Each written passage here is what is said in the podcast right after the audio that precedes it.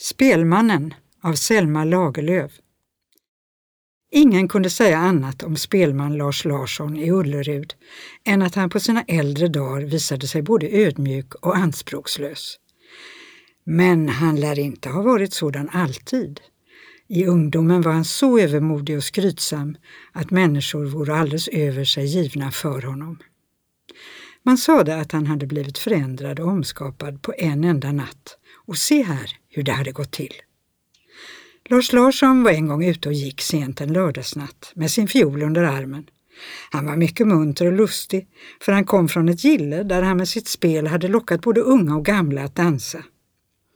Han gick just och tänkte på att så länge som hans stråke hade varit igång hade ingen kunnat hålla sig stilla. Det hade gått en sån virvlande dans genom stugan att han ett par gånger hade tyckt att både bord och stolar hade dansat med.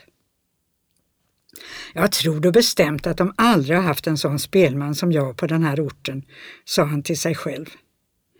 Men bra svårt har jag haft det innan jag blev en så pass duktig kar, fortfor han. Det var inte roligt för mig när jag var barn och föräldrarna satte mig att valla får och kor och jag glömde bort allt annat för att få sitta och knäppa på fiolen. Ja, och tänk att inte en gång en riktig fiol ville bestå mig där hemma. Jag hade ingenting annat att spela på än en gammal trälåda som jag hade spänt strängar över. Om dagen, när jag fick vara ensam i skogen, hade jag det nog rätt bra, men det var så lagom roligt att komma hem om kvällarna när boskapen hade gått vilse för mig. Då fick jag allt höra många gånger av både mor och far att jag ingenting dög till och att det aldrig skulle bli något av mig. I den delen av skogen där Lars Larsson vandrade höll en liten ström på att leta sig iväg. Det var stenig och småkullig mark och strömmen hade stort omak för att komma fram, vindlade sig hit och dit, vältrade sig ut för småfall och tycktes ändå ingenstans komma. Vägen däremot, som spelmannen vandrade på, försökte att gå så rakt fram som möjligt. Den kom därför ständigt i möte med den buktande strömmen och sköt för var gång över den på en liten bro. Spelmannen måste alltså oupphörligen gå över strömmen och det var han glad åt. Han tyckte att det var som skulle han ha fått sällskap i skogen. Det var ljus sommarnatt där han gick. Solen var inte uppstånden ännu, men det gjorde ingenting att hon höll sig borta, för det rådde full dager i alla fall. Riktigt på samma sätt som om dagen var det ändå inte. Det var en annan färg på allting. Himlen var alldeles vit. Träden och de höga örterna på marken stod och gråaktiga.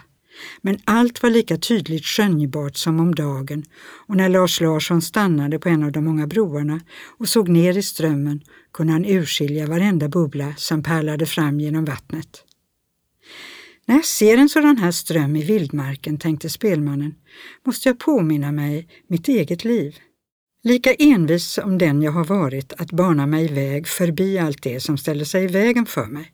Det har varit far, han stod mig emot som en hård klippa. Och det var mor, hon sökte hålla mig stilla och liksom bädda in mig mellan mosstuvor. Men jag smög mig förbi både far och mor och ut i världen bar det med mig. Hoho, ja, ja. Jag tänker mor sitter där hemma och gråter ännu för min skull. Men vad bryr jag mig om det? Hon kunde väl ha förstått att det måste bli något av mig och inte försökt att stå mig emot. Han rev otåligt några blad av en buske och kastade dem i strömmen.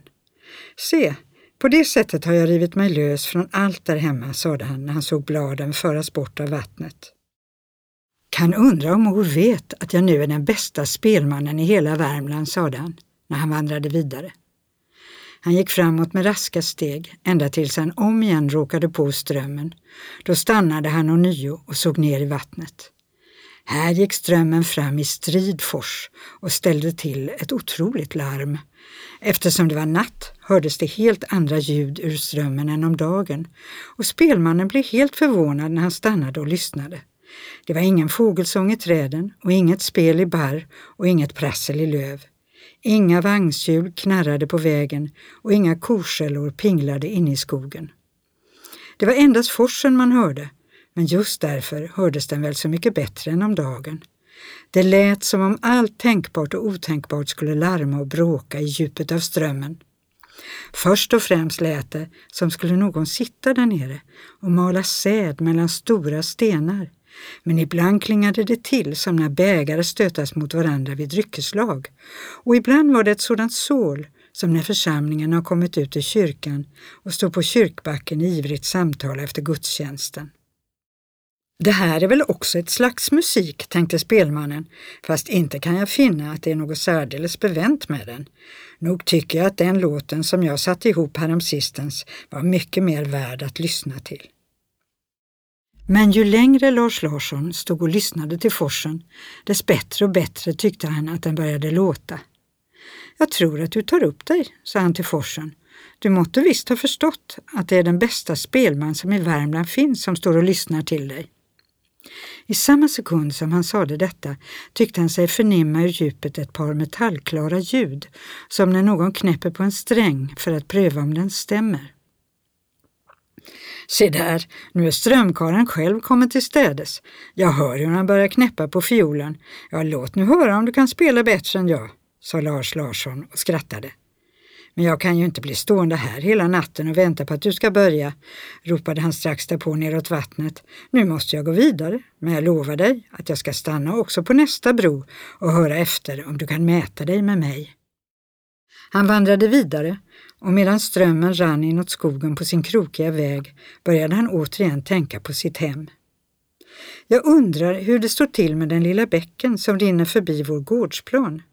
Den skulle jag gärna vilja se än en gång. Jag borde nog gå hem ibland för att se om mor har det fattigt och svårt sedan far är död. Men så upptagen som jag är är det nästan omöjligt. Så upptagen som jag nu är, säger jag, kan jag inte sköta annat än fiolen. Ja, det är ju knappt en kväll i veckan som jag är ledig. Om en liten stund råkade han om igen på strömmen och därvid kom han genast på andra tankar. Vid den övergången kom inte strömmen rusande i bullrande fors utan flöt fram ganska stilla. Alldeles svart och blank låg den under skogens nattgråa träd och bar med sig en och annan snövit skumtuva från de övre forsarna. När spelmannen kom ner på bron och inte hörde något annat ljud ur strömmen än ett sakta skvalp då och då började han att skratta. Jag kunde nog tro att Näcken inte skulle bry sig om att komma till mötet, utropade han. Nu har jag alltid hört att han skulle vara en styv spelman, men det kan väl inte vara så mycket med den som alltid ligger stilla i bäcken och aldrig får höra något nytt. Han vet nog att här står den som förstår saken bättre än han och därför vill han inte låta höra sig.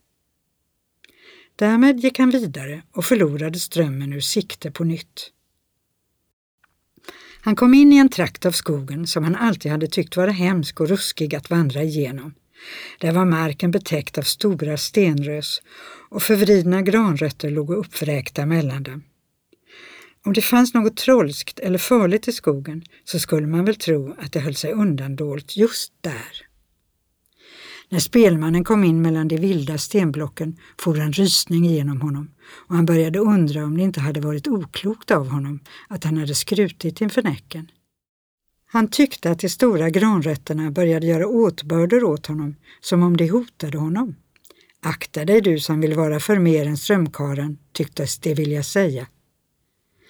Lars Larsson kände hur hjärtat drog sig samman av ängslan.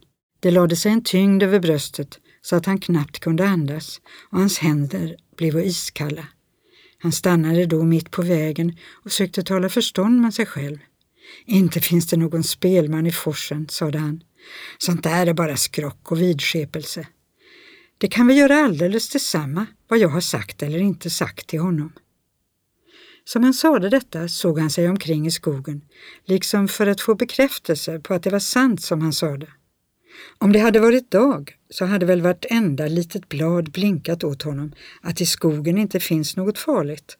Men nu i natten stod då alla träd sammanslutna och tysta och såg ut som om de gömde på alla slags farliga hemligheter. Lars Larsson blev också allt mer rädd.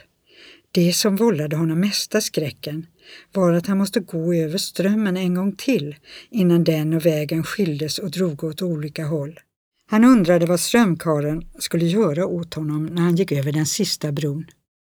Om han kanske skulle sträcka upp en stor svart hand ur vattnet och dra ned honom i djupet. Han hade skrämt upp sig så att han tänkte på att vända om. Men då skulle han ju återigen råka på strömmen. Och om han veka av från vägen och gick in i skogen skulle han väl också möta den så som den vindlade och krökte sig. Han kände sådan ängslan att han inte visste vad han skulle ta sig till. Han var insnärd och fångad och bunden av den där strömmen och såg ingen möjlighet till undflykt. Äntligen såg han framför sig den sista broövergången. Mitt emot honom, på andra sidan strömmen, låg en gammal kvarn som nog hade stått övergiven i många år. Det stora kvarnhjulet hängde orörligt över vattnet. Dammluckan låg och multnade uppe på land. Vattenrännorna vore igenväxta med mossa och i de tomma gluggarna frodade stensöta och skägglav.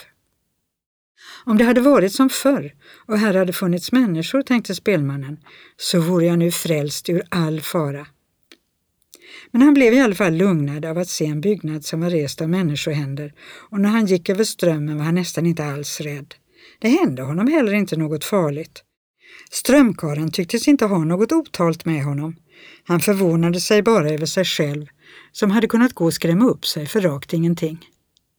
Han kände sig riktigt glad och trygg och än gladare blev han när kvarndörren öppnades och en ung jänta kom ut emot honom. Hon såg ut som en vanlig bondtös. Hon hade bomullsduk på huvudet och kort kjortel och vid tröja, men fötterna vore bara. Hon gick fram till spelmannen och sade utan vidare till honom Vill du spela för mig, så ska jag dansa för dig. Å ja, sa spelmannen, som var i gott humör nu därför att han hade sluppit undan sin förskräckelse. Det kan jag väl göra. Aldrig i mitt liv har jag nekat att spela för en vacker flicka som vill dansa. Han tog plats på en sten vid kanten av kvarndammen, satte fiolen till hakan och började spela. Jäntan tog några steg i takt med spelet, men så stannade hon.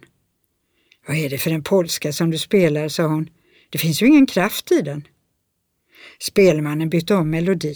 Han försökte med en som det var bättre fart i. Jäntan stod lika missnöjd. Inte kan jag dansa efter en sådan släppolska, sade hon. Lars Larsson tog då upp den vildaste låt han kände till. Blir du inte nöjd med den här, sa han, så får du kalla hit en spelman som är bättre än jag. I detsamma som han sade detta kände han att en hand fattade om hans arm just vid armbågen och började styra stråken och hjälpa upp farten.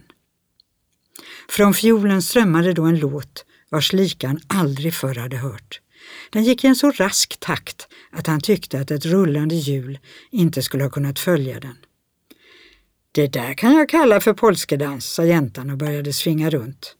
Men spelmannen såg inte på henne. Han var så förvånad över den låten han spelade att han slöt ögonen för att höra bättre. När han öppnade dem om en stund var jäntan borta, men han undrade inte mycket över detta. Han fortsatte att spela länge och väl, bara därför att han aldrig förr hade hört sådant fiolspel. Nu kan det väl vara tid att sluta med detta, tänkte han till sist och ville lägga ner stråken. Men stråken fortfor att röra sig. Han kunde inte förmå den att stanna. Den for fram och tillbaka över strängarna och ryckte handen och armen med sig. Och den handen som höll om fiolhalsen och fingrade på strängarna kunde inte heller komma lös. Det trängde kallsvett fram på Lars Larssons panna och han blev nu rädd på allvar. Hur ska detta sluta? Ska jag sitta här och spela till domedag? frågade han sig i förtvivlan. Stråken jagade iväg och trollade fram den ena låten efter den andra. Ständigt var det något nytt och så vackert att den stackars spelmannen måste förstå hur lite hans egen konst var värd. Och detta var det som pinade honom värre än tröttheten. Han som spelar på min fiol, han förstår konsten. Men jag har i alla mina dagar ingenting annat varit än en stymper. Nu först får jag lära mig hur musik ska låta. För ett par ögonblick kunde han bli så hänförd av musiken att han glömde sitt olycksöde. Men så kände han armarna verka av trötthet och han greps på nytt av förtvivlan. Den här fiolen får jag inte lägga ifrån mig förrän jag spelat mig till döds. Jag kan förstå att strömkaren inte nöjer sig med mindre. Han började gråta över sig själv, allt medan han fortfor att spela. Det hade varit bättre för mig om jag hade stannat hemma i den lilla stugan hos mor. Vad är all ära värd om det ska sluta på detta sättet? Han satt där timme efter timme. Det blev morgon, solen gick upp och fåglarna sjöng omkring honom. Men han spelade. Han spelade utan uppehåll. Eftersom det var en söndag som gick in fick han sitta där vid den gamla kvarnen alldeles ensam. Inga människor vandrade åt skogen till.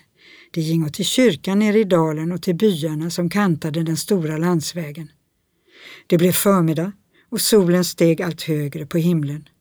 Fåglarna tystnade, men det började susa i tallarnas långa barr.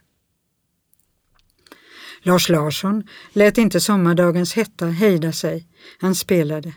Han spelade. Det blev äntligen afton. Solen sjönk, men hans stråke behövde ingen vila och hans arm fortfor att röra sig. Det är alldeles visst att detta blir min död, sa han, och det är ett rättvist straff för allt mitt övermod. Långt fram på kvällen kom en människa vandrande genom skogen. Det var en gammal fattig gumma med böjd rygg och grått hår och ett ansikte som var förgrämt av många sorger. Det är besynnerligt, tänkte spelmannen. Jag tycker jag känner igen den där gamla gumman. Kan det vara möjligt att det är mor? Kan det vara möjligt att mor har blivit så gammal och grå? Han ropade högt och hejdade henne.